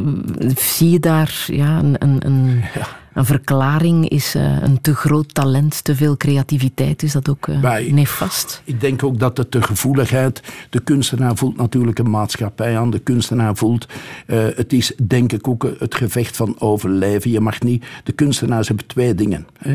Als, je, als je het vanuit oogpunt bekijkt, het verleden, als je ziet wat er allemaal al gemaakt, gedaan, gedacht, voeg nog maar iets toe. Dus van een kunstenaar wordt ongelooflijk veel verwacht. Die is niet één jaar. Eigenlijk het is een gans mensenleven dat je, dat je moet blijven boeien. Ik heb dat bij Jan ook gezien. Uh, dan eerst die euforie. die euforie. En dat waren fantastische, zalige momenten. Moet ik eerlijk zeggen, dat was feest. Zowel in het atelier als dat was feest. En dan merk je die, die, die, die depressie die kwam, die grote twijfel. Dan de expositie. Jan is bijna nooit op een vernissage geweest. De dag ervoor, of de, dag zelf, of de dag daarna moest ik hem naar het hospitaal. Dus die, die twijfel, snap je, heel de ding. Dus je mag het, het kunstenaarschap is, is, uh, is toch wel vrij. Men mm. verwacht veel van u. Hè? Ja. Ben jij evenzeer psycholoog geweest als uh, galeriehouder? Bah, uh, ik moet zeggen, mijn vriend chef Brouwers die heeft tegen mij gezegd dat Rion, misschien ben ik nu het overdrijven, ik heb van u dingen geleerd. Ik zeg, jongen chef, ik van u ook. Omdat, omdat je eigenlijk, het woord galeristisch ook niet altijd juist, je bent ook een coach. En het is zo, ik heb het heel dikwijls gehad bij kunstenaars ook, die, dat hun vrouw of hun leef zegt, zeg God, wat een Adriaan wonen. Hè? En ik heb, uh, omdat wij, ja, je bent met iets bezig. Ik moet zeggen, eh, ik heb ene keer heb ik de, de weduwe toen van Jan Cox uh, ontmoet in Amerika, dus na de dood. Yvonne, dat een Vlaamse was, die in Boston, die, die heeft daar tapijten, uh, restauraties gedaan in het museum. Ik ben die eenmaal gaan bezoeken met de jongens van de film, met Pierre, en, eh, Pierre de Klerk en Bert Bijens, omdat we toen een film gemaakt hebben. En het is een beeld dat ik niet vergeet. Is een beeld. Ik heb met haar een, een gesprek gehad en ik had zo het gevoel. Maar jij vindt dat ik uw vengd afgepakt heb. Zo het gevoel van dat ik, maar dat is mijn emotie. Snapte?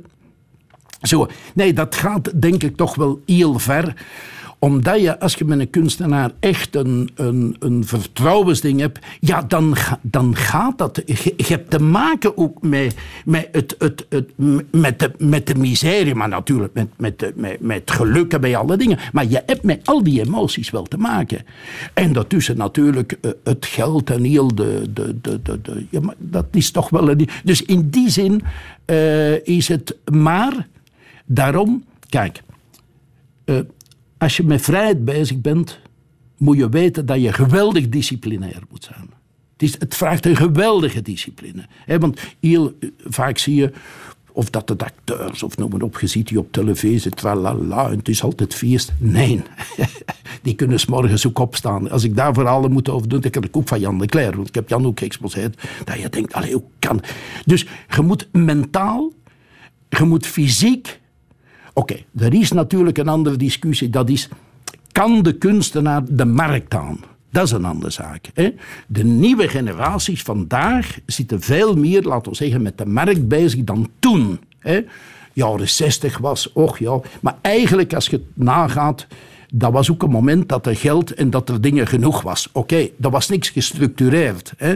Dus vandaag is dat helemaal anders. En dat is ook een mooie evolutie. Hè? Want het kunstenaarschap vandaag is even moeilijk en is even ding. Alleen, die wereld is nu in een bol. Dus, dus uh, dat is de, ja, ja.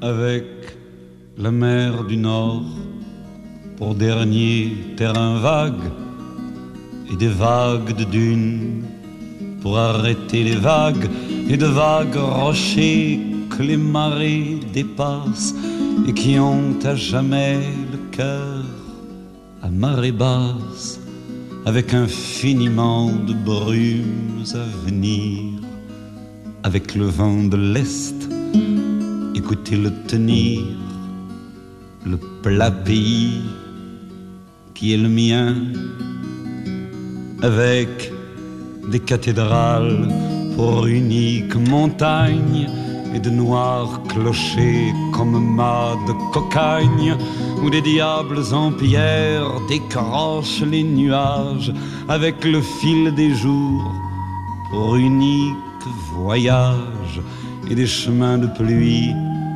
pour unique bonsoir. Avec le vent d'ouest, écoutez le vouloir, le plat pays qui est le mien, avec un ciel si bas qu'un canal s'est perdu, avec un ciel si bas qu'il fait l'humilité, avec un ciel si gris qu'un canal s'est pendu, avec un ciel si gris qu'il faut lui pardonner, avec le vent du nord qui vient s'écarteler, avec le vent du nord, écoutez-le craquer, le plat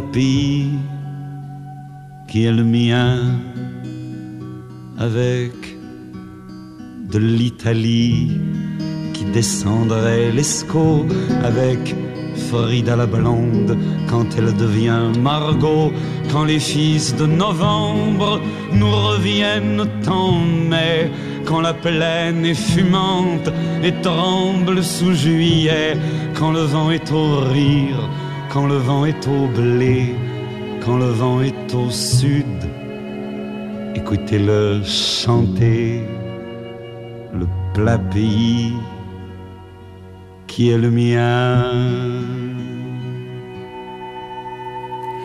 Le Plat Pays van uh, Jacques Brel, Adriaan Ramdonk. En je hebt hem ook ontmoet, Jacques Brel. Ik heb ooit uh, ontmoet in die zin dat je, we waren met Jan Cox in Brussel en Jan zei toen uh, om Tilton Hotel Adviani moeten we eens binnen, want dan voel ik me terug even in Amerika. En uh, toevallig zat daar Jacques Brel. Ik vind dat nog altijd zo'n mooi moment uh, dat ik die man gezien heb. Maar wat ik van deze plaat ook vind, is de, de dingen, de melancholie waar ik van hou. Ik hou, van melancholie trouwens. Met Jan, dat heb ik met Jan Cox als vriend is die dat ook mij binnengebracht heeft, was Jan. Maar de, ook de schoonheid, als je ziet. En hier heb je toch wel de, de, de schoonheid van het leven, maar eigenlijk ook dat je ja, dat je moet verdwijnen. Allee, het is allemaal zo. En, en uh, ja, dat is terug de, het, enigste, de, het enigste antwoord dat we krijgen is van de Mhm. kunsten. Mm -hmm. Voor ja, mij toch. Ja. Je bent er 73 geworden, hè, vorige maand. Ja. Wat zou je echt nog willen in het leven? Uh, ten eerste, ik uh, ga... wat ik zou willen is... Ja, ten eerste voortdoen. Hè. Dus ik ga, ik ga um, die 50 jaar afwerken dan uh, ga ik het vanaf volgend jaar natuurlijk jaar per jaar. Je kan moeilijk zeggen uh, binnen tien jaar of zo die, die plannen. Maar uh, wat ik wel wil is een vorm van afwerken. Het is een geheel zoals na, na mij moet, moet de galerie ook stoppen. Omdat je bent een biotoop geweest. Je bent begonnen van daaruit. Wat ik gedaan heb is eigenlijk iets, dat is ook niet nieuw. Dat is in New York, dat is in Londen, dat is in, in, in Parijs. Dat is overal gebeurd. Jonge mensen die beginnen, die niet weten wat dat zo uitkomen komt een entourage, er komen verzamelaars, er komt een gans ding. En dat moet, dat moet naar jou verdwijnen. Hè? En het is ook zo dat, uh, dat uh, eigenlijk uh, moet na de dood van een, van een galerist het werk overblijven. Niet de galerist, oké, je komt wel in, in, je komt wel mee eens in een catalogus heel waarschijnlijk, want een van de mooie uitspraken van Oekhoff was over vijanden van mensen die, hij zal zelf geen voetnoot in een boek betekenen. Dus ik hoop natuurlijk wel dat ik uh, af en toe wel eens een voetnoot. Maar uiteindelijk uh, is de job van een galerie. Daarom ben ik ook voorzitter van de galerij geworden, nationaal, Europees. Enfin, men heeft mij dat. Dat is omdat wij eigenlijk de, op een gegeven moment worden wij onzichtbaar. En dan moeten wij ook onzichtbaar worden. Snapte? Er wordt inderdaad, u hebt zelf onze vriend David Hockney genoemd. Maar daarachter staat wel David Judah. De, mensen die dat snapten. De, de, de, een van de mooiste dingen is in de ganse geschiedenis, daar wordt bijna nooit over, dat zijn de onzichtbare. De mensen die is Margriet, die is Enzo, die, die hebben het geld niet verdiend hoor. Maar wij zijn nu wel content dat er veel geld op verdiend wordt. Dus, en mijn plezier straks is natuurlijk van om half twee gaat de galerij op. Het zal een beetje later zijn. En dan komen er terug zoveel mensen en dan kunnen een babbelke doen. Dan komen op dit ogenblik, ik moet zeggen, Antwerpen is, is toch wel, eh, het is toch wel geweldig vooruit gegaan. Er komen heel veel buitenlanders, heel veel. En bij mij het is een dingen en soms maak ik zo mee eh, dat, dat vooral Fransen natuurlijk, die kunnen lyrisch en poëet. Monsieur, c'est une place magique. En dat is met een dag goed. en ik heb daar dat beeld staan dat uh, Frans Herbout gemaakt heeft met mijn hond, met Fleur. En uh, dat doet me ook denken aan Ensor, want ik ben natuurlijk Ensor, zou mijn vader kunnen zijn, zeg ik. Ah, ah. En soms ga ik ook, zoals Ensor, voor mijn beeld staan en denk dat gaat niet aan. Want Ensor schijnt dat ook s'avonds alleen. Bonjour, monsieur Ensor. Dus uh, misschien een beetje pretentieus wat ik zeg. Maar. Ja. Je hebt een fantastisch leven gehad uh, tot nog toe, maar heb je iets gemist? Och, ik zal natuurlijk heel veel gemist hebben. Hè. Ik denk dat, uh, dat laat ons zeggen, wij, we hebben een heel ander, ik heb een heel ander familiaal. Als ik veel vrienden van mij bekijk, oh, die spreken over hun kinderen en die hebben dit. Dus dat hebben we natuurlijk niet. Hè. Dat, uh, heb je dat gemist? Dus het is een heel ander ding. Ik denk, in die zin ben ik ben aan een geestelijke geweest, Frida ook mee, omdat we, ja, omdat we ons volledig hebben kunnen wijden ook aan die dingen. Want ik denk dat de meesten uh, ik, eh, dat niet begrijpen, wat dat je, uh, dat, dat het niet alleen inderdaad het marchanderen en het verkopen, maar die, ja, het, maar het plezier, dat is ook de poëzie. En een erkenning krijgen van een museum, hè, op een zoals nu, ik, vind het fantastisch, die 50 jaar viering, dat is eigenlijk een een bescheiden bescheiden viering in, die, in een van de mooiste gebouwen van de stad, want dat moet men echt nog ontdekken. Fantastische erfgoedbibliotheek. Prachtig, die Maar nu alleen maar open is. Dus als mensen het eens willen zien, dan moeten ze naar jouw tentoonstelling komen kijken. Hè. Die Notteboomzaal ja. is anders niet uh, zomaar uh, te bezichtigen. Maar het is voor twee dingen. Het, valt het, valt, laat ons zeggen, de expositie minder goed mee, maar ik denk ook dat dat zal meevallen, want het is uiteindelijk 50 jaar op papier. Het, zijn, het is echt een prachtige reeks mappen. We hebben een boek uitgegeven, maar uh, de, het is de moeite voor de expositie. Verder, en ik moet zeggen, de medewerking van de mensen van de stad is exemplarisch. Dus mm. ook dat nog. ja, ja. ja. ja. ja. Welke boodschap wil je hier nog meegeven, Adriaan? Wel, uh, de boodschap, ik ben natuurlijk, uh, om het genomen, ik ben altijd uh, op vrijheid gesteld geweest. Dus vrijheid, en dat blijft voor mij. Het is ook het enige wat dat we in ons leven, denk ik, ik ken niemand die ooit een, een, les van een uur gekregen heeft over wat is nu eigenlijk vrijheid of zo. En eigenlijk is dat volgens mij een van de belangrijkste dingen. Vrijheid betekent ook vrijheid van godsdienst, vrijheid van, van denken, van zoveel. Maar vrijheid is zo mooi omdat het eigenlijk niet veel oplost. Omdat je niet direct een oplossing hebt. En ik vind... Uh, en in het artistiek milieu, zelf bij mij, de mensen die komen, hoe dat ze politiek denken. Het feit dat je contact hebt over kunst is ongelooflijk positief. Dus, en dat is goed. En um, wat, wat ik ook um, belangrijk vind, is dat mensen met kinderen komen. Kinderen en uh, daar hoop ik maar van één ding, dat de jaarlijkse paar zijn die misschien later gaan onttouwen. Dat hebben we nog gezien of zo, snap? Want uiteindelijk moet men jonge mensen, ik denk dat men dat toch vaak vergeet, jonge mensen moet je de kans geven, niet verplichten van in die werelden te komen, want er is, er is nog zoveel te ontdekken. En ik denk dat de maatschappij terug eens goed moet nadenken, hoe kunnen we terug met vrijheid bezig zijn? En niet zoals we een hoop vandaag bezig zijn, en dat mag niet, en dat mag niet, en dat mag niet, en dat mag niet, en dat mag. Ik kon niks anders. Er is ook veel dat wel mag, hè? Dat, gelukkig, ja. Ja. Maar, ja, ja. maar ik bedoel, ik, ik wil dat ook niet. Maar ik denk dat we toch in een hele boeiende tijd leven. Uh, omdat ook de universiteiten en alles zijn toch veel meer begaan. Ze sturen studenten naar buiten. De, de stages laten doen. Dus in die zin, ik ben absoluut positief. En de, er komt de kunstkoopregeling aan, weldra. Dus renteloos kunstkopen. En dus er zijn wel een hoop dingen uh, aan de gang die ja. heel, heel positief zijn. Mag ik nog Jos van Immersee laten horen? Horen. Och, de Jos. Ja, die ook heel veel heeft gespeeld Ach, in uh, De Zwarte Panter. Jongen, jongen, die mag er ook nog bij. Ja.